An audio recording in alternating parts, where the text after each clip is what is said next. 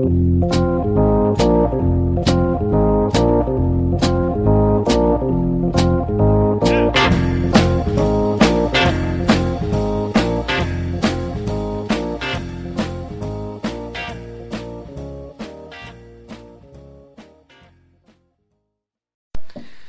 och välkommen till Bröla Bröla Podcast. Idag sitter jag hemma hos mig med Emma Hansson Lövgren. Hej! Hej!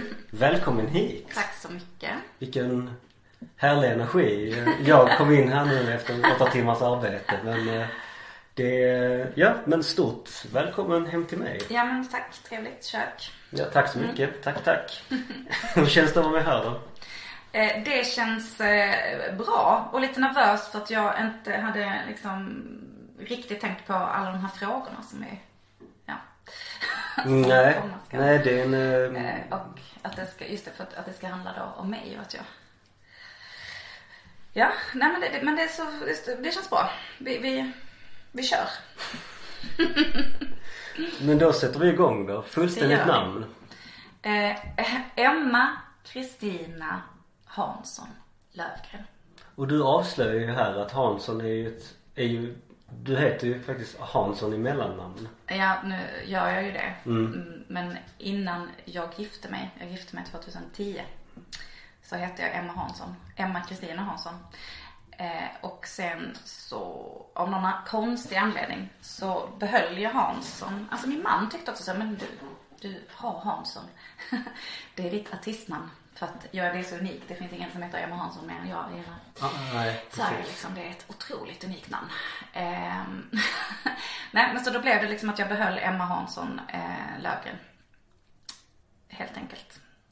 Eh, men eh, Hansson, jag kan också, jag, kan, jag, jag slänger in ett, ett skryt. Eller jag vet inte om det här är ett skryt, utan det är mer att jag är inte vilken Hansson som helst, vill jag tillägga, utan jag är släkt med Per Albin Hansson, alltså Oj, oj. Jajamensan. Oj, oj, Det oj, oj, oj. Min Det... fars eh, farbror nämligen var Per Albin Hansson. Så att eh, det vill jag ändå eh, att ni ska vara medvetna om. Att det inte liksom, det är inte vilken Hansson som helst. Utan det eh, gamla eh, susse, susse-gener jag bär på. Det förpliktigar ju. Det förpliktigar mig, ja definitivt. Ja, precis. jag värnar om vårt folkhem och så vidare. Ja, precis. Ehm, mm, exakt. Ehm, jag, eh, jag är ju släkt med Vidkun Quisling. Ja, Nej, skämt, jag skojar. Jag skojar. Ehm, det, nej, det, det var inte ja riktigt. jag bara, Det var väl... det var ett snabbt ja. Ja. Eftersom, Mm, eller vad ska man säga? Han gjorde mycket rätt. Nej, eh, oavsett. Hur, eh, så, hur gammal är du? Eh, Om jag får ja. ställa den frågan. Får man det? Vet inte. Nej, nej men nu är jag inte en, en, en Hollywood wife. Utan jag är en Malmötös. Så då kan man ju fråga om åldern. Jag bryr mig inte. 41 är jag. Jag fyller 42 i november detta året. Men det är jättelångt till dess. Jag är 41. Hur känns det att vara 41? Ja men det känns eh, inte, känns inget vidare. Eller jag, jag tycker så här att det är 40, det kunde jag leva med. Men nu så kommer jag ju kalla mig för 40 plus ett tag. Det känns, 41 känns bara helt men, jag vet inte, det känns menlöst. Mm, mm, jo. Det är liksom, det är lite som 39. Ja, vad, vad är det? vad är det för ålder? Det är en väntan på någonting. Det är väntan på eh, klimakteriet typ. Mm. Jo, jo, jo så, så- så är det ju. Ja. Eh, något jag aldrig kommer uppleva förvisso. Men, eh, men för, för all del. I, i, sol, i solidaritet. För det och ditt eh, antagande klimakterie kanske. Nej men det, precis, absolut. Jag, eh, det, det är väl lite att sådana frågor, liksom, inte frågor, tankar eh, har, har kommit. Vilket jag, jag tänkte inte så mycket på eh, klimakteriet innan. Men nu så är det som att det, sånt kommer när man är i 41. Ja såklart. Ja, jo jo. Det, Jag vet inte varför jag började prata om klimakteriet. Skitsam, vi går vidare. Så var, var är du född någonstans? I Malmö. På eh, det som eh, tidigare benämndes som MAS. Precis. En, Det är en, eh, en, av, en av få gäster i den här podden som också är från Malmö. Det är, eh, han, han var tydlig, han var tydlig, Rasmus Hansson för övrigt. Han, han var tydlig med att eh, förtydliga med att han är född på Mars. Just det. Men det, det, är det, det är en distinktion ja. Mm, Mm. Just det. Jo men det, det var ju mm, antagligen jag det också. 1980 var det väl MAS. Mm, rimligtvis ja. Så ja. det var en Så det är väl inte, inte det... regnig novemberdag. Det är väl fortsättning på Arvid Hanssons väg också till och med. Så att eh, Ja just det, det. det blir väl det. Så Det blir ja, ju, mm. Om vi ska prata, ja, Malmögeografi. Ja, men, ja. Så var bor du någonstans? Eh, jag bor eh, på Ripersborg. Mm. Tror jag faktiskt att man kallar det. Alltså lite slarvigt så skulle man säga Slottsstaden. Men jag är uppvuxen i Slottsstaden och då är det liksom där vid Rönneholmsparken. Och nu bor jag på andra sidan Tessins väg i liksom eh, nära de här Ribehusen. Ja, jag nördar ner mig här i Malmöhistoria men Ribehusen är liksom några så här det höghus som byggdes ut mot Limhamnsvägen. Jag tror på 50-talet liksom. Som var väldigt så här eh, moderna och eh, funktionella.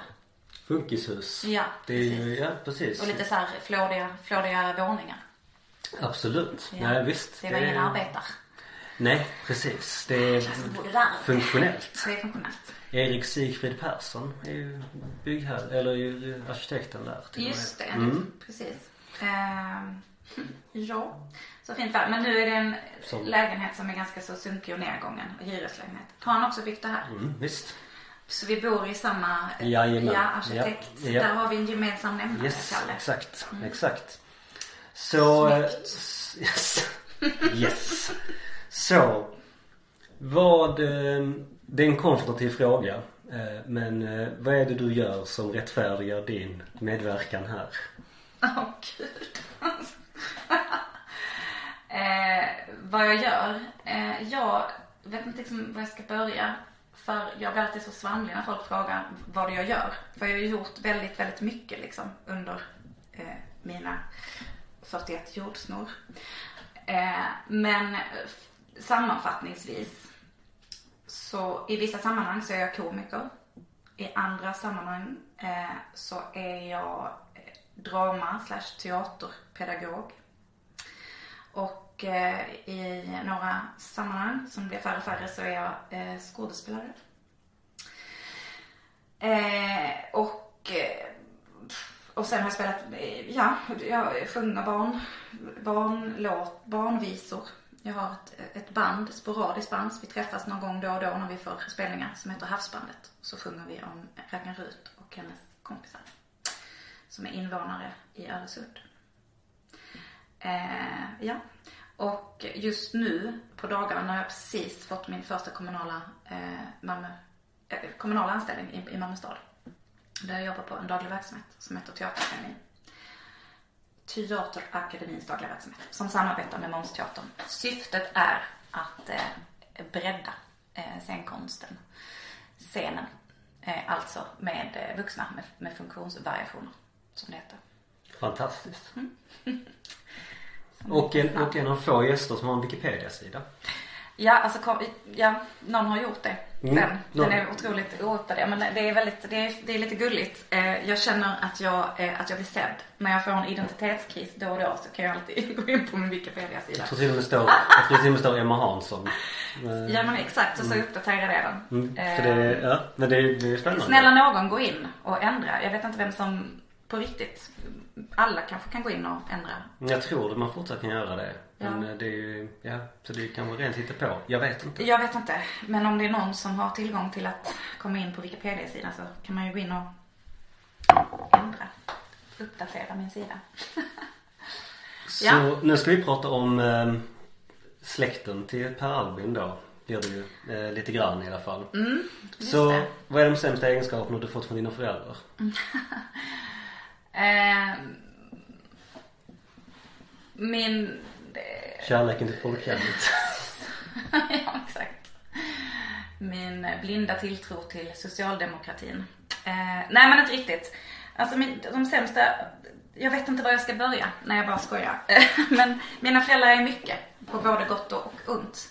Eh, jag tror att eh, en av, de, en av de sämsta egenskaperna jag har fått det är att jag kan vara liksom lite eh, av och på. Det har jag fått av min pappa. Att antingen så är jag eh, otroligt liksom, entusiastisk eh, och eh, liksom smittar av. Eh, jag kan liksom, eh, vad heter det, när man entusiasmerar sin omgivning.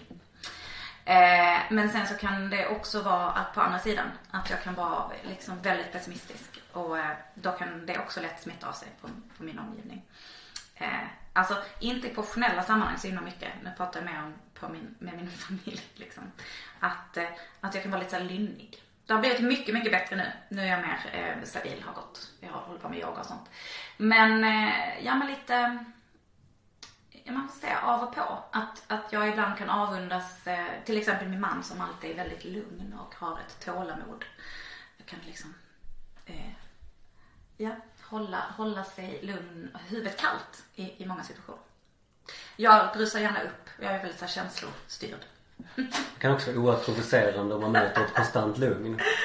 Ja, precis. Men eh, många tycker ju att det på något sätt är skönt. Alltså, så här, jag min erfarenhet är att liksom, om man möter någon som är fruktansvärt upprörd med att också vara, bli jätteupprörd arg, så brukar det oftast bara bli liksom, som att hälla bensin på eld. Liksom. Det blir aldrig eh, så konstruktivt liksom. Uh, nej. nej, det är, det nej, det ska gudarna veta. Nej, Ja. det är absolut inte så man ska Eller, bemöta. det, det vet man ju om. Nej. Man kan inte bemöta skrik genom att skrika högre. Nej, det vet alla som har barn över. Mm, Det, det, det har inte mig. Det hjälper aldrig.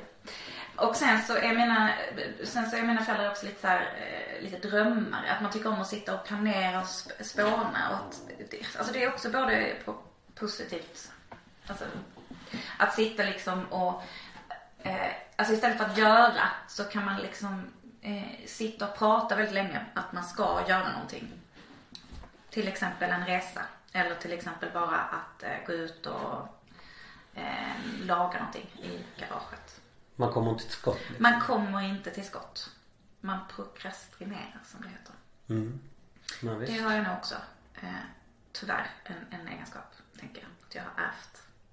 Men, men återigen så är det så här, det beror lite på. För att om man är på det humöret, att man liksom då vaknar upp och är väldigt så här, idag, idag bara gör vi. Men sen så då om man vaknar upp nästa dag så kan man inte slutföra projektet. Så det blir många så här, o, alltså, oavslutade projekt, helt enkelt. Ja. Mm, visst. Så om du fick ändra något i din uppväxt från Käppastan. Vad skulle det vara? Um, Käppastan är ju Slottsstaden för er Ja, som inte är med på det. Numera kallad för Nappastan. Exakt. Mm. För folk, eh, för folk dör ju. Folk dör, dör av som flugor. Vi bodde i en, ett hyreshus där vi var den enda barnfamiljen och fick så jäkla mycket skit. Jag trivdes jättebra i den lägenheten eh, dock. Men jag minns att när jag var, eh, när jag var liten så önskade jag ju ibland att vi kunde, att vi, att vi inte bodde, alltså att vi inte flyttade till ett, ett, eh, ett hus som var mer barnvänligt, alltså där det fanns fler barn. Nu var det ju bara att jag behövde gå över gatan och så bodde eh, min bästa kompis där. Men det var någonting liksom med att kunna bara liksom gå ut och i trappuppgången och springa upp till en kompis. Det hade inte jag utan jag hade bara sura tanter och, och döende farbröder som hostade liksom. Hade någon rak, rökhosta. Eh, så det, kanske det. Att mina föräldrar liksom inte eh, jag hade önskat att de bodde i ett liksom så här mer eh, eh, barna, barnen i Bullerby eh, hyreshus. När, eh, när jag var liten så bodde vi på Tessinsberg. Ja, okej. I samma, eller när jag var ja, lågstadieåldern och det var i samma som Tuppen. Och det är ju, Mm. Oj, oj, oj. det är ju Ja. pensionär central. Det är verkligen. det. Mm, Det är- det, är det. Så det är Verkligen. ja visst. Det är så, som... så det är ju liksom, det är också hur, hur man särskiljer en, en inflyttad från en infödd. Men hur man säger Tessinsberg. Ja, Tessinsväg ja. Mm. Tessinsväg, är det så man säger? Det. Jag vet inte. Jag har alltid sagt Tessinsberg. Ja, jag också. Ja, så att, Tessinsväg. Men det är ju lite samma sak som Kirseberg. Kirseberg. Ja, jag vet. alltså det är ju, det är ju det värsta. Fan om man lyssnar på typ så här ljudböcker och så. Kirseberg. De bara, "Men då är, då är, de i Kirseberg. Skjut mig. Med. en liten parentes men det mest provocerande var när en komiker från Stockholm eh, hela tiden refererade till Möllevångstorget som Mölle. Som är en helt annan plats i Skåne. Ja, och så, så alla hipster på Mölle. Mölle? Vad fan var Mölle? Om du ska skämta om Malmö, do your homework. Kan ni kanske säga Möllis? Möllis med Mölle liksom. Det är en helt, det, det är en pittoresk Nu, nu, nu, nu får du outa vem komikern var. Nej, jag tänker inte. Nej okej. Ah, ja. Så när känner du dig blyg? Gud, när känner jag mig blyg? Eh, ja men jag känner mig blyg eh, faktiskt i såna här situationer när jag måste, liksom, när jag pratar, behöver prata om mig själv och vara så här, pri, alltså privat, jag behöver inte vara privat nu men personlig. Eh, då kan jag känna mig lite blyg och då eh, brukar jag bara babbla på. Eh, Men alltså annars så är jag väl ganska så bra på att låtsas att inte, alltså att inte visa att jag är blyg genom att eh, då som, som du sa innan när jag ställde den här frågan till dig. Eh, att man istället liksom pratar jättemycket och tar mycket plats. Det, eh, men återigen att referera till som, för att antingen så, för då, jag måste liksom vara på och liksom jobba upp min entusiasm. Eh, för att om jag bara låter den här blygheten och eh, liksom intro, att, introvert, jag vet inte hur man säger, introvertheten, eh, är det ett ord? Jag vet inte. eh, Det här, är, det här är en podd där vi hittar på ord. Att, Alltså jag hittar på ord hela tiden. Det är lite ett signum jag har. Ehm, så bear with me. jo, för att om jag låter den ta över så är det som att eh, jag liksom bara mm, Ja men då är det liksom inte lönt. Då, bara, då känner jag lite såhär, men skitsamma, då, ja, då, går, då går jag. Då tar liksom min flyktinstinkt överhand. Så att, att, så att inte liksom, om jag ska fly så, eh, så trycker jag på liksom on-knappen.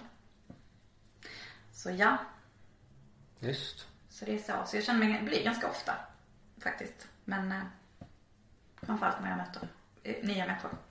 Helt klart. Så när var du arg senast? Eh, I fredags var jag väldigt arg. Eller Vem, vem har sårat dig? Leverantörer som inte kommer som de ska. Postnord? Eh, nej, det, det är faktiskt till, eh, till Teaterakademin som de är liksom lite sega med att leverera det de ska. Helt enkelt. Kort och gott så är det väldigt frustrerande när man liksom står och stampar. Eh, Och det är såhär, men herregud jag behöver detta nu. Eh, så det var lite störigt. Ja. Då blev jag lite arg. Jag var också fredagstrött. ja. Men som man brukar vara. Men precis. Så tror du andra ser dig som en bra lyssnare? Ja, Ja. har jag fått höra. Men, å andra sidan, så är det lite med mig. Det är så här, å ena sidan och å andra sidan. Det är lite så här, eh, jag är lite paradoxal på det sättet. Eh, för att det är nog många som inte skulle hålla med om att jag är blyg till exempel. För att det är så, va, du verkar alltid så kolugn och så.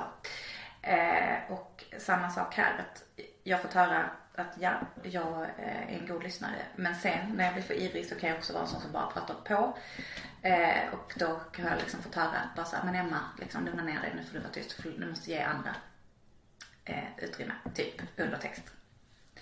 Och det är ju väldigt spännande den här, eh, den här delen i det. För att jag får lite, jag får lite känslan att vi fungerar lite likadant du och jag.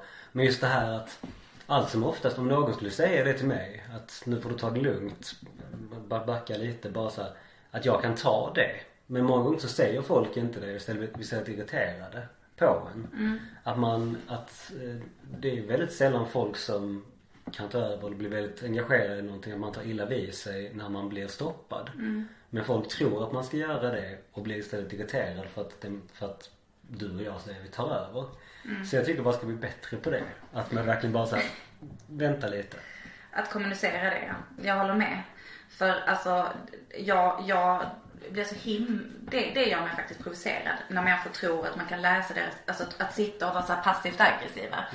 Eh, och så är man jätteentusiastisk och uppe i någonting och man kanske bara liksom såhär, åh jag fick en association och så pratar om det och sen så, så sitter någon som är såhär, mm, nej har inte jag, alltså liksom, typ som att nästan såhär, man ska räcka upp handen. Bara så, men vi är inte ett klassrum, nu har vi brainstormar vi kring någonting liksom. Eh, att istället för såhär, men nu vet du vad, Emma nu vill jag bara säga, jag måste säga det innan jag glömmer det till exempel. Eh, precis som du säger, då, då är det inte som att jag blir kränkt och ledsen och så. Beror i sig på vem det är som säger det. Men Eh, nej. Nej men så jag liksom, eh, jag har blivit kallad för typ ångvält. Eh, det, det är jag fortfarande kränkt över. Ja, det är inte så himla trevligt. Nej, det är för så inte trevligt alls. För, för, för en det, det- då utgår man ju från att man bara kör över alla. Ja. Och det skulle jag aldrig, jag skulle aldrig köra över någon. Inte medvetet. Absolut inte medvetet. Ehm, Jag är ju också, alltså jobbar ju nu varje dag med att, eh, alltså att leda liksom. Leda grupper och jobba med grupper och se till att alla får faktiskt utrymme. Och då eh, gäller det att, att, att inte försöka kränka så att också, om det är en person som oftast tar väldigt mycket utrymme så får man liksom försöka liksom leda över ordet så att de, de förstår så okej men nu, nu är det dags för dig att bolla över till din del, kollega här liksom. På ett sätt som gör att den, den andra personen inte känner sig överkörd liksom. Och det är ju en, eh, det är ju alltid en balansgång. Ja, såklart. Jag tycker att jag nästan är bättre på det, att leda äh, liksom andra än att själv ibland äh, vara den som eh, Ja, när man, inte är, när man inte har ledarrollen. Alltså när det är mer så att man ska sitta och brainstorma i, i grupp och ingen är så här, nu, nu gör vi detta tillsammans. Då kan jag då ibland tycka att det är svårt att känna in för att man då blir entusiastisk och går på. Men absolut, jag skulle, jag skulle aldrig få för mig att köra över någon eh, medvetet. Jag är en sån otroligt inkännande och god människa. Så,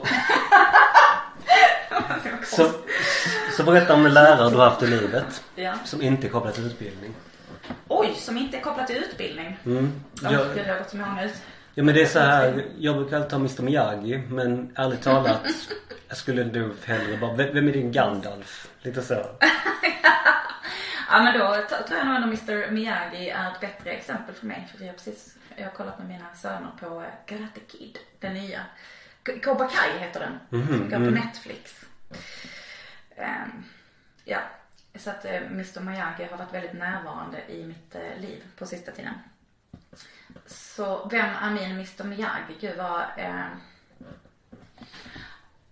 Jo men jag kommer att tänka på, eh, ja, så det är ju flera stycken i olika sammanhang. Men jag måste nog ändå liksom nämna, eh, återgå till min, alltså till min pappa.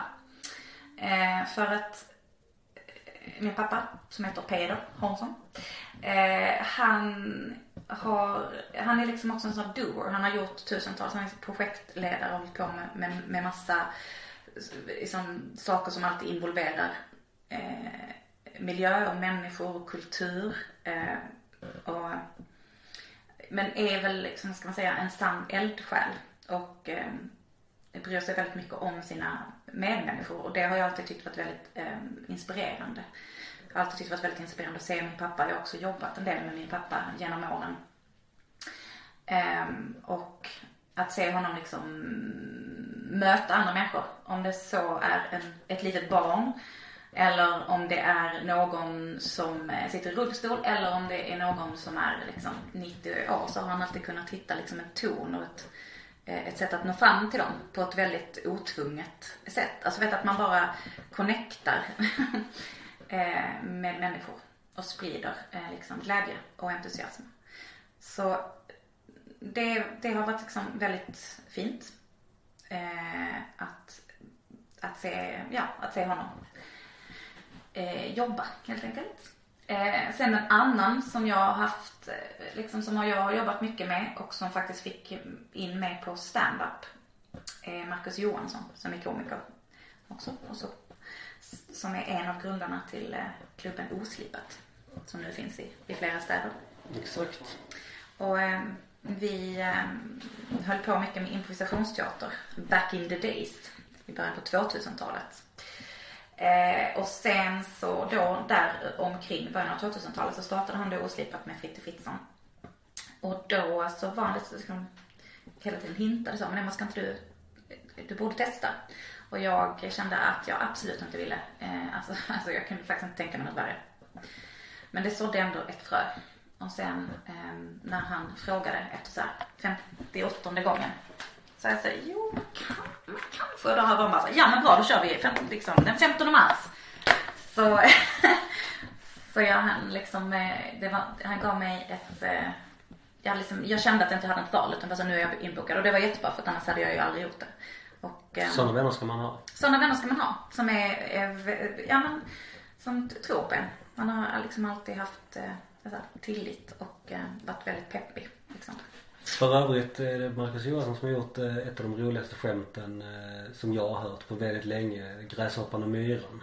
Okej. Men, I eh, någon, Ja, den finns på Youtube. Den är helt, helt fantastisk. Den, den går liksom från att liksom, ja men myran samlar in för vintern, gräshoppan är som chillar och sen så Det hintas ju om att liksom att gräshoppan är liksom någon grekisk vagabond. Det är väldigt, det är väldigt roligt. Så har han den här grekiska lun, dun, dun, dun, dun, dun, dun, och så, så har han den bre- bredvid. Det, det är väldigt, väldigt roligt. Okej, den har jag inte velat. Ska jag, den ska jag Så, så, kolla det, så, in. så, det, är ett- så det är ett tips till er som lyssnar och till dig Emma. Så vad har du svårast att acceptera hos dig själv? Förlåt, vad sa du? Vad har du svårast att acceptera hos dig själv? Svårast att acceptera. Eh, ja du, det är... Det är mycket. Ja, men svårast att acceptera med mig själv, det är väl att eh, jag eh, fortfarande inte har körkort. Och att jag eh, antagligen inte kommer ta det. Men att jag från en, alltså evigheter tillbaka så har jag tänkt att ja men nu ska jag ta körkort den här sommaren och så blir det sommar och så gör jag inte det. Eh, och sen så är det som en sån liksom, så, Alltså att jag vill, jag vill inte acceptera att jag antagligen aldrig kommer göra det. För att jag vet ju vad som krävs. Det är ju bara att göra det. Men om jag gör inte det bara. Som du berättade med, med eh, egenskaper från dina föräldrar. Det är lite, lite Det är lite, projekt ju. ja som men man exakt. skjuter upp lite. Och det, och det är inte så, jag, jag tycker inte att det är så eh, kul. Alltså jag hade bara velat sätta mig i en bil och så, så, så vill jag liksom, så ska det bara gå av sig själv. Att jag måste hålla på med, ja men jag har svårt, alltså, jag har svårt, jag vet inte om det är liksom jag har någon slags teknikrädsla. Vilket är som är jätteofiffigt i mitt yrke också. Att liksom så här dokumentera mig själv och, och så. Jag tycker att det är jättejobbigt att hålla på med, sånt, med sådana här apparater. eh, jag vet inte, men jo men jag- det är faktiskt, jag tycker det är svårt att acceptera att jag är så fruktansvärt oteknisk. Eh, och inte gör eh, någonting åt det överhuvudtaget. En, Eh. men, och det handlar inte om ovilja.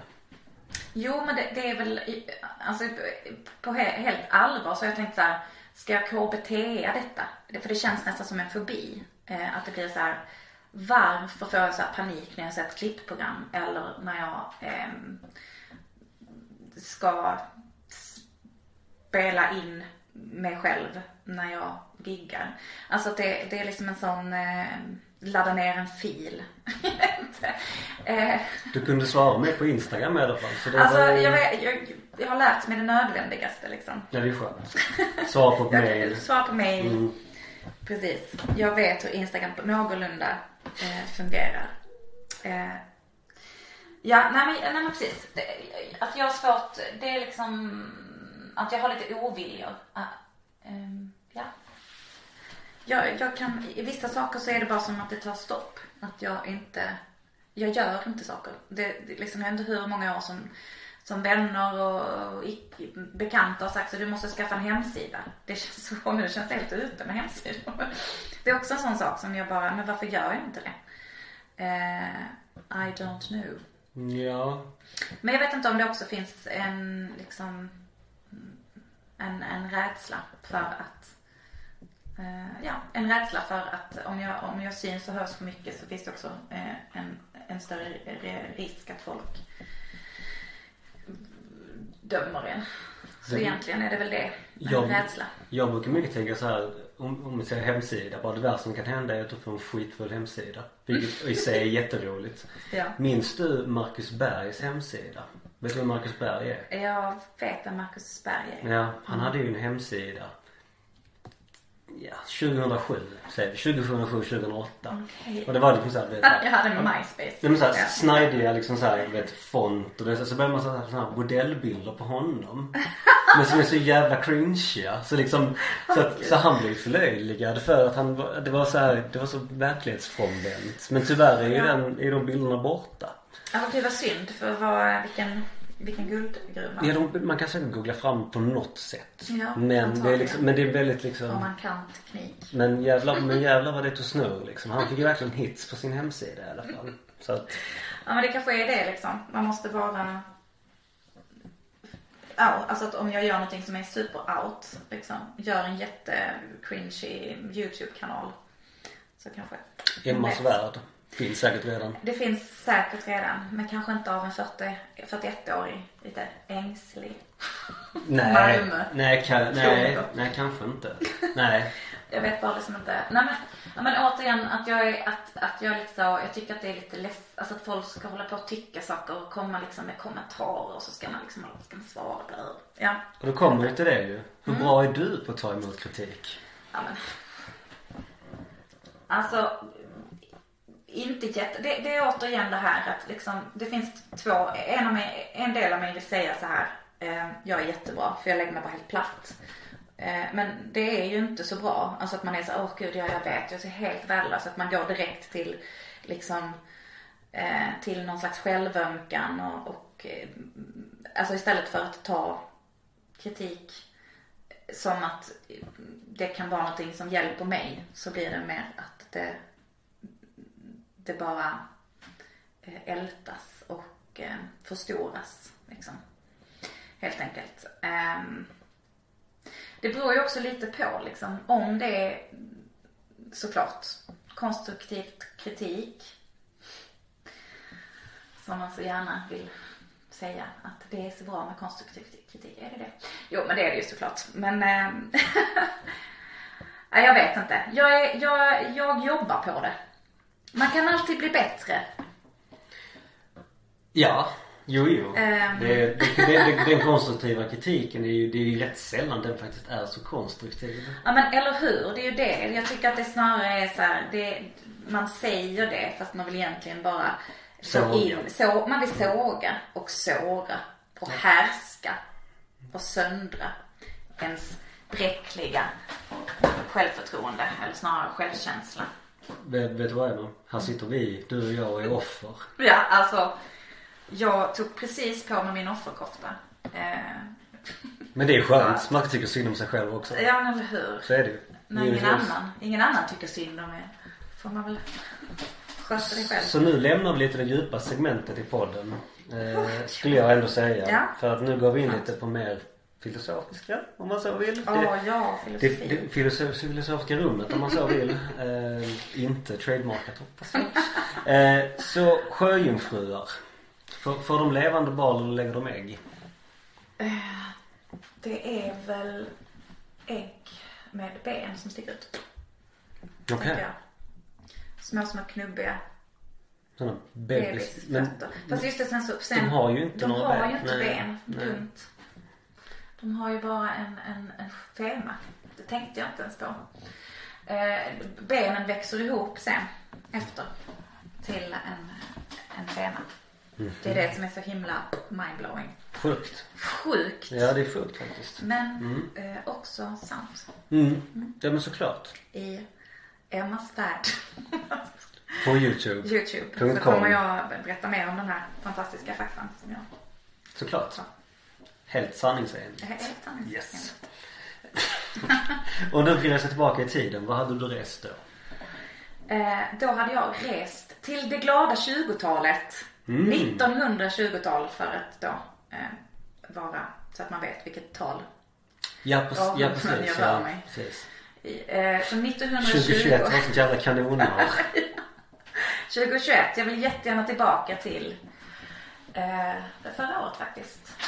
Pandemi. Eh, nej men 1920-21 eh, mellan liksom eh, de, de två världskrigen. Man hade, Någon man trodde på plats? livet. Ja men Berlin. Berlin, ja. Ja, okej, ja. Berlin. Och ja, men att det liksom det, Alltså antingen det faktiskt eller liksom att man backar bandet till tidigt 1900-tal. Eh, för då liksom hände det lite, alltså kvinnor började eh, frigöra sig och det fanns liksom en, en väldigt så spännande experimentell konstscen som hade varit rolig liksom att få vara med på. Återigen i Berlin då. Ja, alltså eller i Paris. Mm. Eller kanske till och med i, i Wien. Sitta och hänga med Ja. Gustav Klimt och kanske. För det var ju väldigt spännande. Det är så, jag vet inte om det stämmer. Men det, skulle, det var ju någon gång i tiden där det var Lenin, det var Tolstoj, det var Einstein och det var eh, någon, någon eh, Hemingway tror jag. Som bodde i Wien samtidigt. Ja men precis, Wien var ju sånt mecka. Men det var väl i tidigt, alltså typ slutet av 1800-talet, början av 1900-talet. Ja, det låter väl, det låter ungefär ja. Ja. Och nu, nu nämner jag bara, du pratar om kvinnlig frigörelse och jag nämner bara män. Men, eh, Men eh, ja, alltså jag tänker ehm, det här, det var ju inte liksom, nu har jag bara massa bilder. Jag, jag är inte Karolin, jag kan inte, jag kan inte bara ge dig, för jag glömmer bort namn hela tiden. Eh, på, på kända personer som jag. Men jag vet inte, jag kommer inte på, jag kommer inte på en enda känd person nu på 1920-talet. Jag vill bara liksom, och det spelar inte så jättestor roll för det är inte så att jag skulle vilja träffa någon speciell som levde då. Det hade kanske varit kul att träffa, jag vet inte, Edith Piaf? mm. Eh, är jag helt liksom, jag tror att hon Men det är väl inte, det är väl inte helt off kanske? Men jag, jag tänkte såhär på Selma Lagerlöf, eller det är senare? Jo, det är väl, ja, det, är, det är väl också kanske. Strindberg kanske? Eller är det tidigare? heter Strindberg alltså. Jag vet inte. Han, han var sån. Han känns, han känns inte så skön så här. Ja, men han var nog inte jätteskön mot, om man inte liksom Nej, nej men. var hans, ja, jag vet inte, det kändes inte som att han, eh, han var väl med, han älskade att hata kvinnor, var det inte så? Jo, Eh, men nu, nu ska nu, nu är inte jag någon, nu ska inte jag sitta här och prata som jag kan någonting. Det är inte riktigt.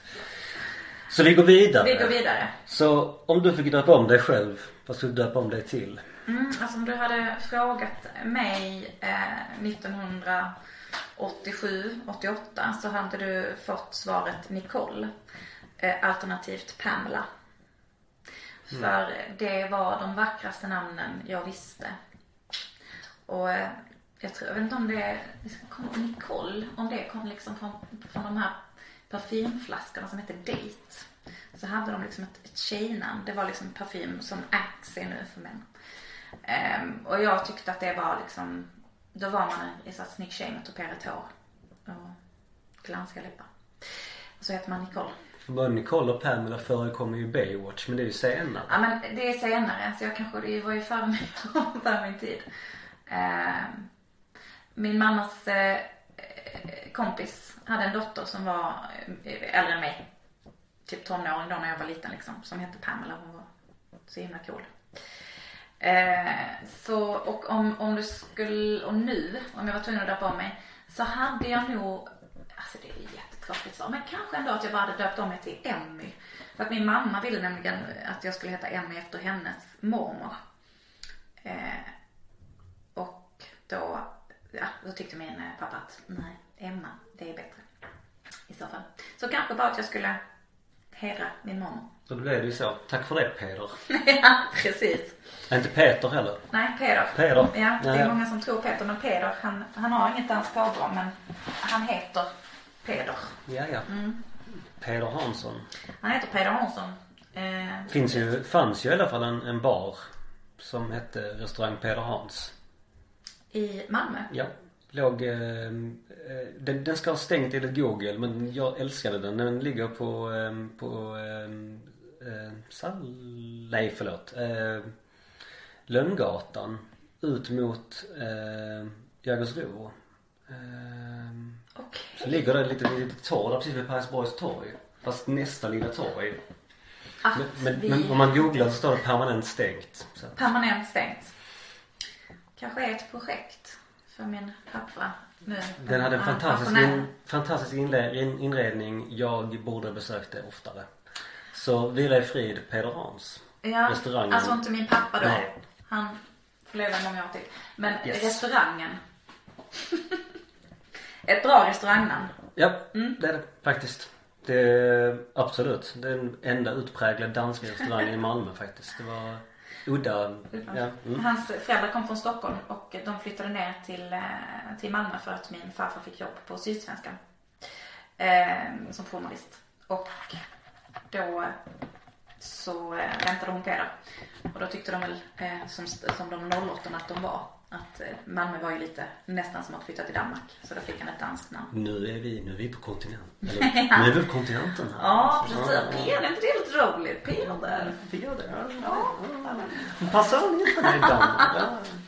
Så vad är det konstigaste en gäst har gjort i ditt hem? Det konstigaste, ja du. Ehm. Det är ju, det har ju, jag har ju barn. Eh, så det, liksom, och barn gör konstiga saker. Barn liksom gör så här konstiga saker som att ta av sig alla kläder och helt plötsligt sitta liksom med rumpan eh, i sin, liksom, bara rumpa i, i en soffa. Kalla mig pryd, men jag vill inte ha andra, jag vill inte att mina, mina barn ska sitta eh, och gojsa ner sig med sin rumpa i soffan. Och ännu mindre andras barn. Det tycker jag det är lite, eh, lite äckligt med andra ord.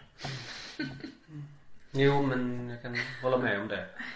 Men du har inte sett en vuxen person göra det? Alltså jag, jag har inte sett det. Jag, det. Det kanske har förekommit men eh, nej jag har inte sett det. Eh, Det konstigaste, alltså det här är ju inte, nu, nu, nu, nu, nu famlar jag efter halmstrå här. Eh, och det är inte alls konstigt utan det var snarare så här att, eh, att eh, min man blev kränkt för att en gäst tog en väldigt, väldigt dyr whisky och hällde Coca-Cola, blandade med Coca-Cola. Han skulle göra liksom en grogg ganska sent så här på, på kvällen. Eh, det var mer liksom eh, eh, Ja, det tyckte vi bara så här, gud vad okultiverat. Ta inte den här dyra jäkla whiskyn som kostat eh, 700-800 spänn och blanda i cola. Det var det. Mm, nej. Eller, Så vad är det konstigaste du har sett hemma hos någon annan? Eh, det konstigaste som jag sett, det är...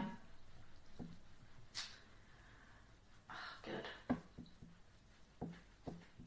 Alltså, det, jag har ju ändå hängt en hel del liksom med, med komiker. Men jag vet liksom inte vad som, vad, vad är, alltså att göra konstiga saker är, det kanske är som att jag inte vet vad som är konstigt och inte eh, konstigt. Om jag ska vara helt ärlig. Alltså att det är så här, är det konstigt att eh, till exempel, ja men det är mycket så här klä av sig sina, sina kläder.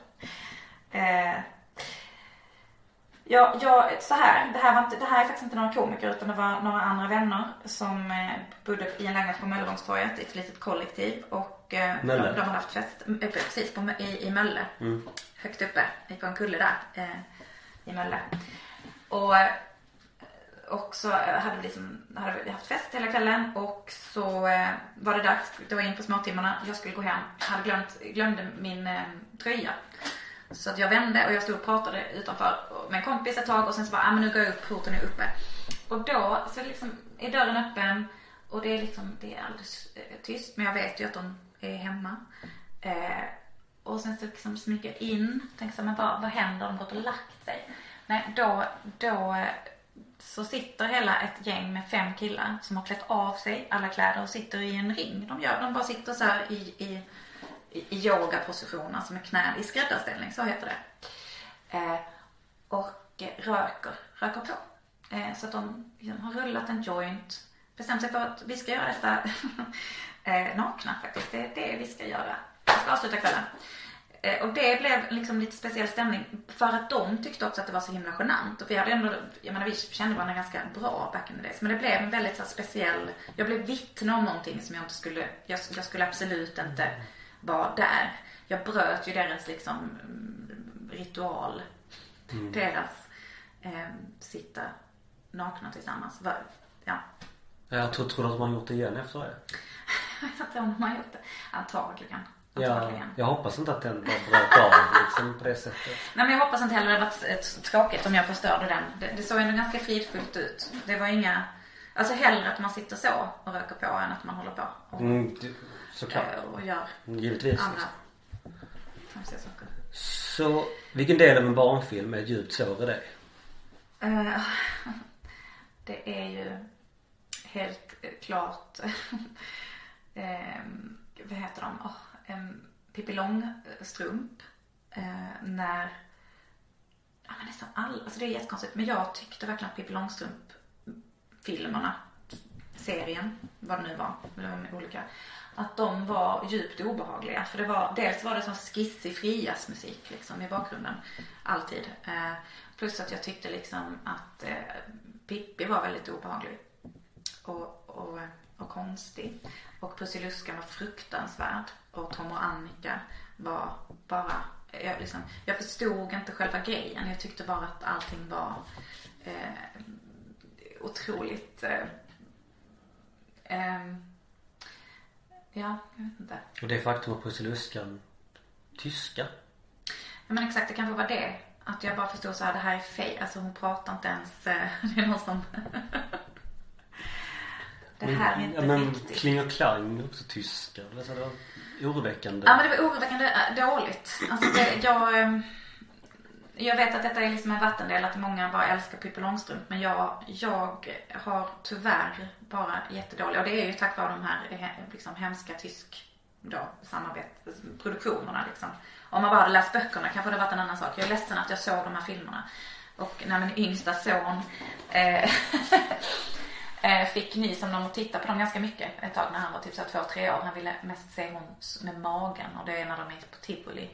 Och, och hon som dansar med ormen. Eh, oroväckande att han redan då eh, ville kolla på nakenhud kvinnor som vickar på höfterna.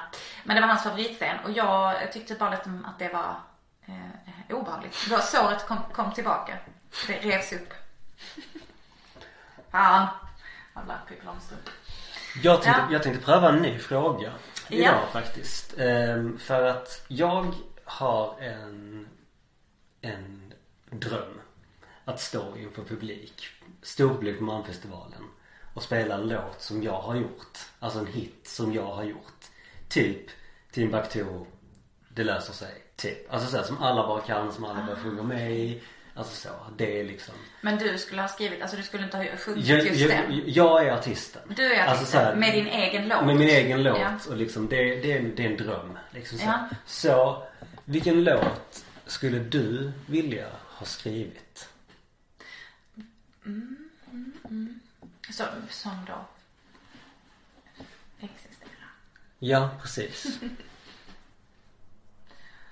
Ehm, Nu när jag tänker på det, min skulle nog vara Alla helveten. ja. Med Jonathan Johansson. Men jag skulle, om jag skulle varit Jonathan Johansson skulle jag bott kvar i Malmö.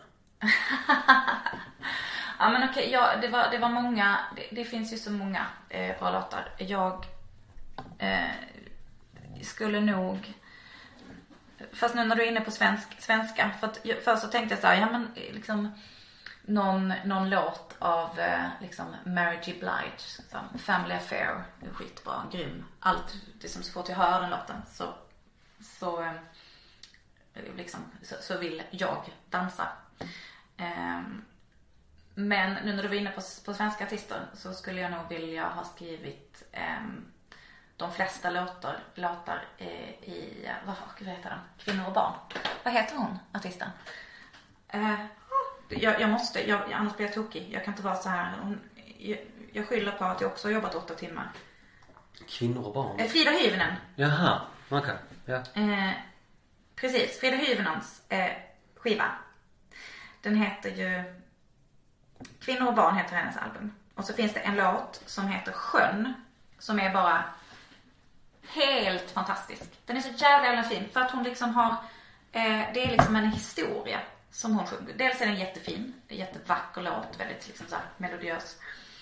Eh, och sen så lyckas hon med konststycket att också bara måla upp en, en väldigt liksom klar, en, en frekvens liksom. Jag vet inte om det är av hennes barndom men det känns som det skulle kunna vara liksom vil, vem, alltså alla som är uppvuxna i Sverige på typ 70 80-talet skulle detta kunna vara en sekvens ifrån liksom. Den är supervacker och jättefin. Om ni inte har hört den så lyssna på sjön. Frida Hyvönen. Så sista frågan innan vi går in på Malmö. Har du någon tatueringar? Ja, det har jag. Har du någon kul historia bakom någon av dem? Jag har en, en stor knölval på min arm. Eh, och, eh, alltså, his- Jag vet inte om det var någon slags före, alltså jag, att jag hade en, en 40-årskris. Fast jag var 36. Jag har alltid haft mina kriser lite tidigare. Som, eh, men, men av någon anledning så kände jag så här, om jag ska tatuera mig så ska jag göra det innan jag fyller 40. Och jag har alltid tänkt att jag vill ha en val. Eh, jag har alltid varit fascinerad av, av valar, framförallt knölvalar. Sen jag var liten. Eh, nu pratar jag väldigt mycket om min, min pappa i den här podden. Men nu, jag, jag gör det igen. Nu kommer min mamma känna sig utanför. eh, men eh, jo, men i alla fall, han har liksom också han har liksom varit intresserad av, eh, eh av havet. Ehm, och ehm, sen så tror jag att vi såg någon film eller läste någon bok eller någonting. Jag kommer inte riktigt ihåg. Men som, där, som handlade om val, valar. Eh, och sen dess så har jag liksom Eh, nu på Instagram så har jag, så samlar jag på valar. Jag vet inte vad jag ska göra med de här bilderna på valar som, som sjunger och valar och deras kalvar. Som, det är så himla rofyllt och fint. Eh, ja, så jag tatuerade mig. Eh, egentligen så hade jag tänkt att göra en så här liten, nu visar jag, en liten val. eh, men sen när jag kom till tatueraren så sa hon, eh, men om du ska göra en val, de är stora, så kan du ta en, en, en liten fjuttval. Bara, nej, det är Så det blir en stor val Så det blir en stor val som täcker, täcker hela armen. Um, och det är från en bild som jag hittade från, på Instagram. På en, en val som som, som är, står väldigt fridfullt liksom med, fe, med inte fenorna, jo med fenorna liksom. Den pekar neråt och den ser lite som melankolisk ut. Jag hoppas han inte står. Den står med sina ben. Långsökt. Eh, ja, nej den, den har, eh, den står inte. Den svävar på min, den, den simmar på min arm. Den tog jättemånga timmar att göra. Och eh, det gjorde svinont. Jag var helt chockad över att det gjorde så ont. Jag visste att det skulle göra lite ont men inte att det skulle kännas som att någon karvar i ens skinn. Så då pratade jag febrilt i en halvtimme och hon var väldigt pedagogisk och ställde en massa följdfrågor och så. Jag, jag berättade om hela min förlossning för att jag fick sådana associationer till, till, ja, att jag kände så här, ja men när det här med att föda barn och den smärtan och hantera det. Och så till slut så var hon så här, gud vad bra, nu, nu har det ju gått liksom, nu har det gått nästan en, en, en timme, jag har gått en halvtimme. Eh, och nu har jag gjort den här mest jobbigaste delen liksom, som gör mest ont. Och sen efter det kunde jag slappna av och sen tyckte jag att det var riktigt trevligt. Men jag har bestämt mig för att det bara blir valen. Man får ett sånt här liksom lite efter, som, alltså att man bara vill göra mer och mer som kick liksom. Eh, men, Men du landade lite i... jag landade lite i det. Jag gjorde faktiskt inte några sådana eh, förhastade Det var skönt. tatueringar. Men jag har fortfarande, det, det, det är lite märkligt. En blåval i att jag har en svanken. stor, något. exakt. En späckhuggare som sträcker sig liksom på hela ryggen. Uff. Hade varit någonting. Ja, det var en gammal bekant till mig som, han gjorde en tatuering och då gjorde han en hel drake. Från, liksom. Ja, man maxar det då. Man Om det bara ska vara en så gör man det över hela. Men en annan grej om just knölvalar, för att det är väldigt viktigt att veta att knölvalen är faktiskt är en av de få em, arter som faktiskt tar hand eh, om, eh, liksom visar hänsyn och sympati till andra arter som inte är liksom knölvalar. Utan det finns faktiskt all film, filmer på när de räddar liksom sälar från späck, späckhuggare till exempel. Genom liksom att bara med sina stora fenor liksom fösa upp dem på deras eh, mage. Och det tycker jag liksom är, är så fint. För att jag ändå känner liksom att jag är dels att man, jag tar hand om det bra. Men också att jag tycker om att få andra människor att växa så. Att man bryr sig om sina Som- medmänniskor. Solidariskt. Så Bamse, den som är, den som är stark måste också vara snäll. Mm, visst. Och Bamse är ju skåning i grunden som jag har förstått det. Jaså, är han? Jag tror väl inte han skaparen här nerifrån. Heter han Rune? Det borde jag veta. Rune? Andersson? Nej. Jo, det heter han Nej, väl? heter han? Ja. Det, kän- det låter skånskt. Jag vet inte. Det, det ligger bra i munnen i alla Det fall. gör det. Rune. Så då går vi på Malmö. Ja, Malmö. Vilken Yes! snygg övergång. Tack. Nu Tack ser så jag vad du mycket. försökte göra. Journal, Eh. journalist. Vi lämnar, vi lämnar valarna. Mm. Så vad är Malmö för dig? Det är en liten storstad. Ja, den har allt va. På, eh, man kan bara sätta sig på en cykel. Och så eh, tar det typ en halvtimme att komma till havet om man föredrar det. Eller så kan man cykla till Torup. Eller ta lite längre tid än en halvtimme. Ja. Beroende på var man bor. Ja. Ja. Eh, nej men alltså, jag, alltså Malmö är en stad som faktiskt växer på rätt håll. När jag, är uppvuxen- jag har bott i Malmö hela min stad och på 90-talet så lämnade alla Malmö. Man åkte till, till eh, London. Eh, Tjejlumpen som det annars kallades. Eller så stack man till Stockholm. Så du tjej? Tjejlumpen. Tjejlumpen? Åka till London? Tjej, man åkte till London liksom och jobbade på restaurang eller liksom vad man gjorde. Eh, och bodde så, sju tjejer i ett pyttelitet rum. Ehm, jag eh, gjorde väl det lite senare. Men jag, jag var liksom, jag var kvar i Malmö. Jag flyttade aldrig till, till Stockholm. Eh, och London och så. Men nu, så här många, många år senare, så är det ju stockholmare och göteborgare som flyttar till, till Malmö och det hände liksom inte då på 90-talet. Eh, och det gör man ju också för att här är, det är fortfarande, det är billigare att bo. Man kan få schysst käk, det öppnar jättebra eh, restauranger och liksom, det finns en sån här entreprenörsanda. Till en början så kunde jag väl eh, tycka att men det är väl trevligt att Göteborg och Stockholm kommer hit. Och det finns jättemånga trevliga Stockholm och göteborgare här. Ja, så ja, så ja. Behöver inte överdriva. Nej men just att, att, att jag, jag, är, jag är lite trött på den devisen att man åker till Malmö för att hitta sig själv.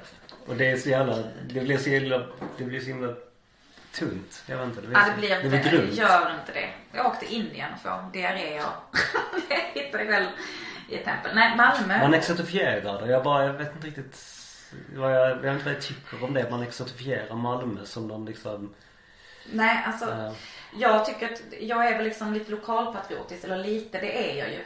Jag är otroligt liksom, jag är en, en Malmötös liksom från, i, i flera generationer bak. Ehm, och det är väl lite så som, ja men den här eh, som man säger, som, som flera har sagt innan. Jag är inte den första som, som ger den här liknelsen. Men jag, jag känner lite så här med Malmö att det är om andra utan, liksom, som inte är malmöit kritiserar Malmö så blir jag liksom arg. Som till exempel om man, jag får kritisera mina föräldrar men liksom någon, någon annan får inte sitta här och kritisera mina föräldrar. Då blir jag så här, vad, vad, vad menar du? Vad fan vill du liksom? Och så känner jag lite med, med Malmö. skulle aldrig prata skit om Peder. Nej, snälla gör inte det. Då jäklar. Prata inte skit om Malmö och prata inte skit om Peder Hansson. Så vad tycker du representerar Malmö? Va, vad som representerar Malmö? Ja. Jag upprepar alla dina frågor. Men det här, jag, ja, ska man ha något, eh, vad representerar Malmö? Ja men det kanske är det här lite, alltså det, att det ändå finns någon slags stolthet. Ehm, det finns ändå någon slags gemenskap tycker jag. Alltså att, att, att man har en slags, att det är så mycket mer än det här med, med liksom som, som det står om i, i media med med skjutningar. Jag, jag tycker att Malmö är ganska så bra på att mobilisera så att när det kommer liksom så här utifrån och säga så här, åh nej hur kan du bo i Malmö? Man bara skjuter liksom, det, det är så fruktansvärt och liksom, eh, eller vad det nu är liksom, hur, hur kan du, eh, liksom, ja, whatever. Jag kommer inte på några bra exempel. Men då, då känns det liksom lite som att man har en slags Malmöanda här. Kanske på ett, på ett, på ett bättre, liksom på ett, eller ett bättre, ett tydligare sätt än om man till exempel är stockholmare. Eh, det var inte, jag vet inte om det alls är ett svar. Eh, det är bara för att jag inte kommer på något eh, tydligt svar. Så att jag eh, babblar på. Jag vet inte vad som representerar. Eh, jag och min, min familj representerar Malmö. Perfekt ja. Så om en vän till dig besöker Malmö för första gången. Säg att det är en från Stockholm. Vad gör du med den personen då? Eh, då så eh, går vi en förmiddagspromenad nere på Ribersborg. Tar ett eh, kallbad på Kallis. Eh, tidigt för att annars är det alldeles för mycket folk en helg. Får man inte plats. Jag var på Kallis igår. Fick så vänta. Kö utanför bastun. Inte okej. Men det är en härlig upplevelse. Det är ändå liksom eh, väldigt mycket Malmö att gå på Kallis. Vad fan, Och löka sig. vad fan är grejen med det? Det känns som att liksom, nu när alla håller på med hemarbete och sånt, det är som att liksom, jobbar inte folk? Eh, Varför är det så knökat på Kallis klockan halv elva på en tisdag? ja men det är sjukt. Det är för att alla jobbar Vad, hemma. vad i hela helvete? Alltså jag, nu jobbar jag ju liksom ett sånt här Jag vill bara gå dit och äta lunch och ta en öl. Men nej, inte ens det får man göra. Nej det är faktiskt helt sjukt. Ett annat tips är om man vill ta sig lite längre bort är faktiskt att gå på Sibbabs kallbrus. Det, det må en, inte vara liksom lika pittoreskt med att gå en, liksom, det, det är ingen brygga ut Nej. och så. Men man får Hör ni det era jävla hipsters? Gå till Sibbabs kallbadhus om ni vill, om ni Eller vill nakenbada istället. Det är jätteotrevlig stämning där. Håll er till Kallis. Kan vi göra några riktiga malmöiter och gå till Sibbab. eh, nej men sen så, och sen så skulle jag självklart eh, gå upp. Jag tycker att Pivo är ett väldigt, väldigt trevligt ställe att gå och ta så här. Eh, om man då har varit och bastat. Gå till en tjeckisk pub. Äta saltgurka och dricka en öl. Ja, vad trevligt. Mycket, mycket trevligt. Så det, det hade vi liksom gjort. Eh, uppe vid, eh, jag tycker om liksom det här först, alltså det som ligger där vid, vid eh, Lilla Torg. Mm. Eh, och sen så hade jag, eh, alltså det finns faktiskt jättemysiga ställen där. Jag tycker liksom det har öppnat många bra ställen runt Lilla Torg. Jag har liksom alltid när jag, var, när jag var yngre så var det ju Möllan som gällde. Men jag tycker att det har öppnat jättebra ställen runt Centralen och Absolut. Lilla Torg så. Absolut. Som Ruts till exempel. Om man vill äta någonting. Som Eller fika. Eh, jag behöver inte det. Men ja. Så att jag hade, det finns jättemånga. Och sen så såklart så hade man liksom ändå fått avrunda med en, en falafel liksom på Bergsgatan. Eh, det hade jag nog ändå gjort. Att, alltså för att få en sån här riktig Malmö-feeling. Att man ska stå, ska man få stå eh, i en falafel. I, I någon av dem. Saras kanske. För att det ska kännas på riktigt. Ja, jag, jag kan inte äta falafel om de inte har gurka. Alltså vanlig gurka. Jag är ledsen alltså. L- vanlig? Ja, jag, jag, vill, jag vill ha, Åh herregud, det måste ju vara salt. Jag vill ha den här saltgurkan. ja men saltgurkan för all del. Men jag vill ha vanlig gurka också. Var Jag- har de det? Jag har liksom aldrig Typ upplevt. 50-50 skulle jag säga. Alltså, Jag har aldrig varit på ett ställe där de har haft gurka. fan nu blir jag jag ändå skitsug. Nu är jag varit. skitsug på kebab. Helvete. Ah, ja. Ja. Eh, ja men Ja alltså, eh, gå, liksom, det hade varit kul att gå runt på en på ett litet så här bar, barhäng. Det, det beror ju lite på. Om man har barn så tycker de att det är lite tråkigt att gå på en barrunda. Men de, mina barn tycker väldigt mycket om att käka. De är, jag har en son som är 12 och en som är, han fyller 9 i maj. Och de gillar mat också väldigt mycket. Så eh, man hade liksom kanske gjort lite sådana här eh, mat. Eller så får de bli passade. Det kan de ju Man också ta- bli. man får ju ta De det kan. också. Det, det, det är sant. Eller nu, nu, nu ska inte jag lägga mig i ditt Jo, men det är klart. föräldraskap men, men det, jag, Eh, jag börjar känna de, de passas, eh, de, mina föräldrar, eh, min kära mor Kristina Molin Hansson, deras älskade mormor, de brukar också passa Peder och Kristina. De bor i Kulladal. Det är det bästa stället, eh, mina barn vet. Det är att vara i Kulladal. Ja men du dumpa av dem där och Ja. sup dig för lös. Kan någon komma och hälsa på nu från Stockholm så jag kan få gå en bra runda? Men Emma, Mm. om du var turist i Malmö, vad tycker du saknas? Jag tycker att det saknas ehm, faktiskt fler, men, fler eh, bra konst, alltså mu- museer. Det är helt sant. Men jag tycker så här, museer som är interaktiva för barn. Och, det är för att jag är skadad för att jag har hängt så himla mycket på Malmö museum. Ah, Tekniska Eh, museet. Tekniska museet. Alltså, att, alltså det står mig upp i halsen. Alltså Eh, den jävla båten i källaren. Alltså. Den var där när jag var barn. Ja. Och sen som tur, de gjorde jag var faktiskt med och, och vad, vad var det jag gjorde? Jo. Eller var det till museet? Alltså skitsamma, jag jobbade i alla fall som dramapedagog nere på ett ställe som hette Marint kunskapscenter. Back in the days, Tio Marint kunskapscenter. Ah, en sån sidohistoria. Men i alla fall, då samarbetade vi med Malmö, Malmö museum och då höll de på att göra om det här båtrummet. Och sen blandade ihop det för de höll också på att bygga eh, akvariet. Så vi hade lite så här olika så här testgrupper där vi gjorde övningar så för att liksom se vad, hur, vad man ville ha på de här utställningarna. Så att eh, då för kanske vad det nu är 9-10 år sedan när det var, då var det ju fräscht och lite nytt. Men då, det var ju första gången man fräschade till det sen vi var små. Alltså. Och nu är det lika slitet och äckligt igen. Ja, ja visst. Nej men den, alltså. Så skärp er. Jag, jag, jag kan bara, jag kommer minnas man kunde, för de i alla fall då satt ju inte de här kanonerna fast. Nej. Så man kunde ju bara liksom ta dem rätt långt bak och bara smälla in dem i träbåten så det bara blev som, ett, som en kanonkula helt enkelt. Det var ju skitkul som barn. Alltså man Men- älskar ju det stället som barn. Ja, ja. Nej, det var ju, en- det var ju ett... Eh, giraffen är i alla fall kvar och det är, Ja, det är huvudsaken. Det är huvudsaken. Och sen så faktiskt också lite fler ehm, ehm, jag skulle vilja ha lite fler afrikanska. Jag vet att du faktiskt har öppnat en på Möllan. Vad heter den? Som, Sula. Ja, precis. Den, där har jag faktiskt inte, den, jag har inte testat den. Trevligt. Det är trevligt. Mm. Så du kan rekommendera den. Ja, absolut. Det är hon som, hon som driver stället är supergullig. Det öppnade en till. Det, är den etiopisk? Ja. Ja. Ehm, och det öppnade en till lite längre ner. Men de stängde rätt snabbt tyvärr. Ehm, men Sula finns kvar. Det finns kvar. Ja. För Och det jag det, och, och det, det är bra på skånska också. Ja. Sula. Ja men det, det, det är bra. Ja, ja men det var faktiskt, ja, ja men det var trevligt. Komma in där och med på en AV med kollegor och bara ta över uteserveringen. Det var faktiskt väldigt kul. Eh, Hon var, bara- hon var bara glad att det kom liksom massa folk. Var det, visst är det liksom att man, man har ett sånt här som bröd som alla Ja. liksom har haft, som man delar på? Mm. För, det, för det har jag liksom tänkt på i, i Malmö just att det liksom blir, alltså att det har öppnat jättemånga liksom så här, ja men från alltså, iranska eh, och eh, så tänker jag liksom, det hade varit eftersom vi också har en afrikansk eh, afrikanska invånare i Malmö stad. Så, så men det är jättekul att eh, det har öppnat. Men fler.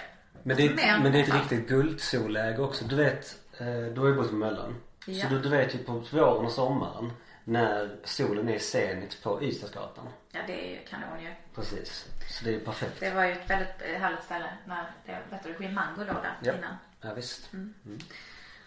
Så om du fritt fram fick ta någonting från en annan stad och placera i Malmö. Vad skulle det vara?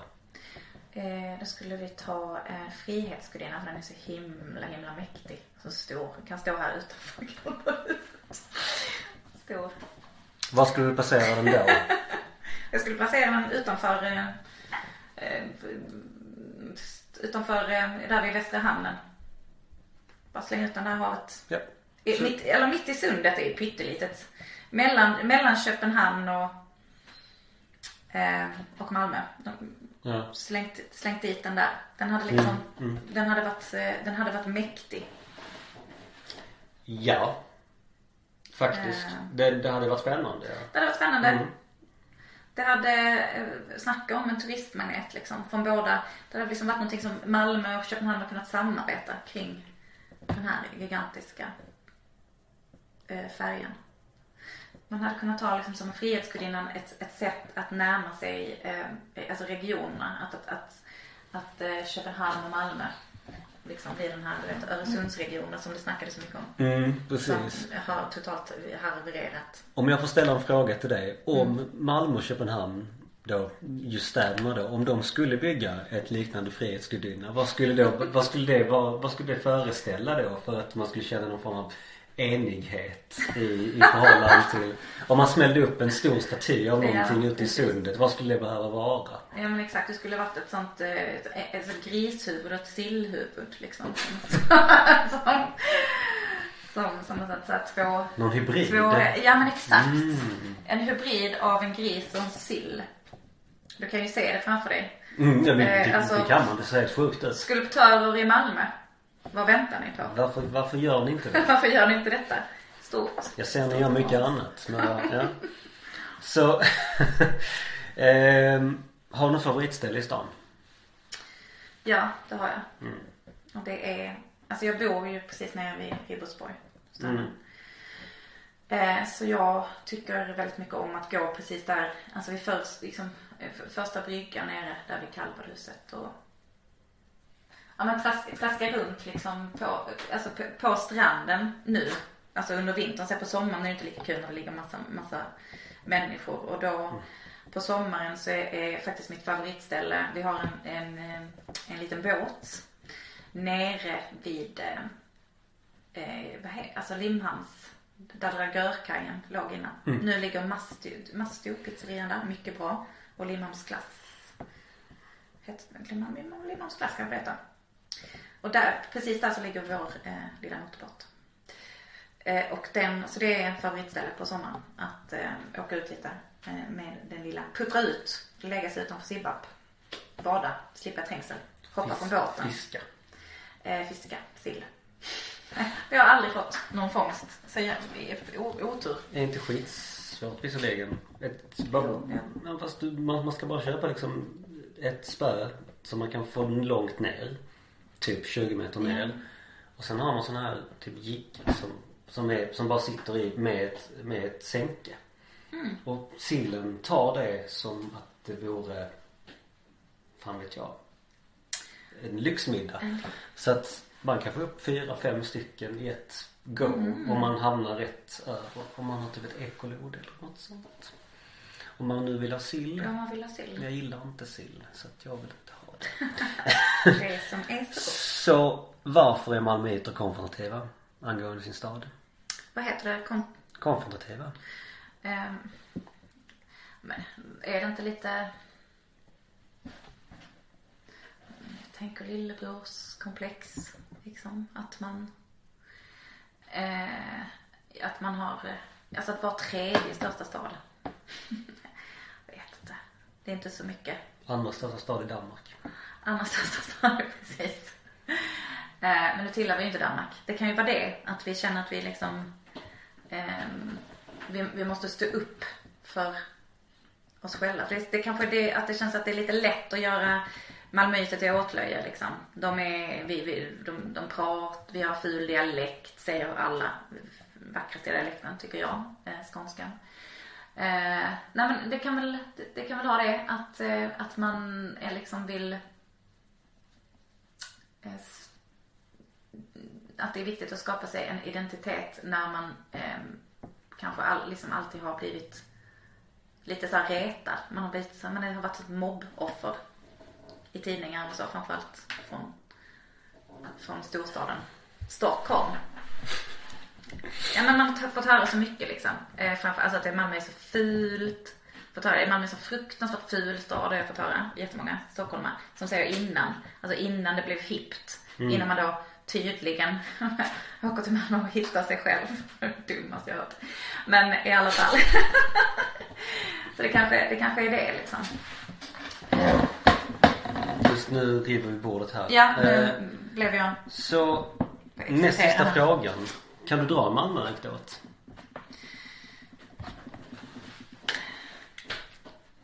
Jo men det var en sillagumma. en anekdot. Ja. Alltså jag känner att jag redan har bjudit på en anekdot. Det, det var ju eh, när... Åh gud, den kommer bli så. Ehm. Jag nämner inga namn. Jag kan bara nämna att det var eh, kanske vissa som var med i bandet Björns vänner som är ett Malmö liksom ett, ett fantastiskt Malmöband. Som eventuellt var med på den här eh, röka på scenariet. Ehm, som jag lovat att inte säga i en podd. Men nu, det är en anekdot.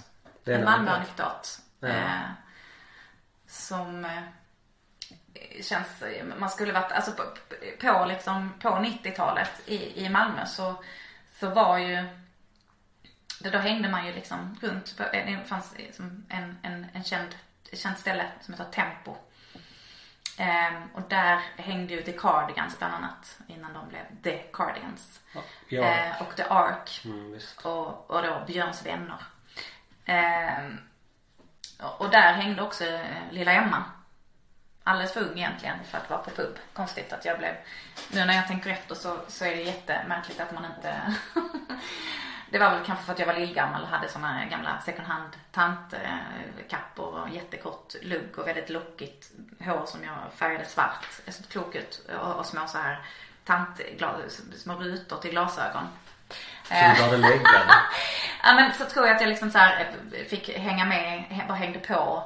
Eh, mina tjejkompisar som var mycket längre och så äldre ut liksom. Men hon tanten hon bara hänger här alltid. Den här lilla, lilla tanten som är så här lite odefinierbar i ålder. Vad är hon? Hon är allt från 12. Hon kan vara allt från 12 till liksom 78. Ingen vet. De Eh, pratar- så jag var där och drack massor av pratar- öl. De pratar än idag, de som blev Tempo, om den gamla tanten. Om den här liksom lilla, lilla tanten. Det tyckte jag ändå var, öl och blev entusiastisk. det tyckte jag ändå, var- tyckte jag ändå var en anekdot. Ja, det var väl en, en Malmö-anekdot. Visst, absolut. Eh, om, Fick du in Tempo, Cardigans, Björk, Björns vänner ja, och tanten på Tempo. tanten på Tempo, Vet du vad Emma? Emma Hansson. Emma Hansson. D- Då var, Mm, precis. Men Emma Hansson Löfgren. ja. Sista fråga. Den här släpps i början av april. Vad händer framåt för dig som du vill delge? Som du vill...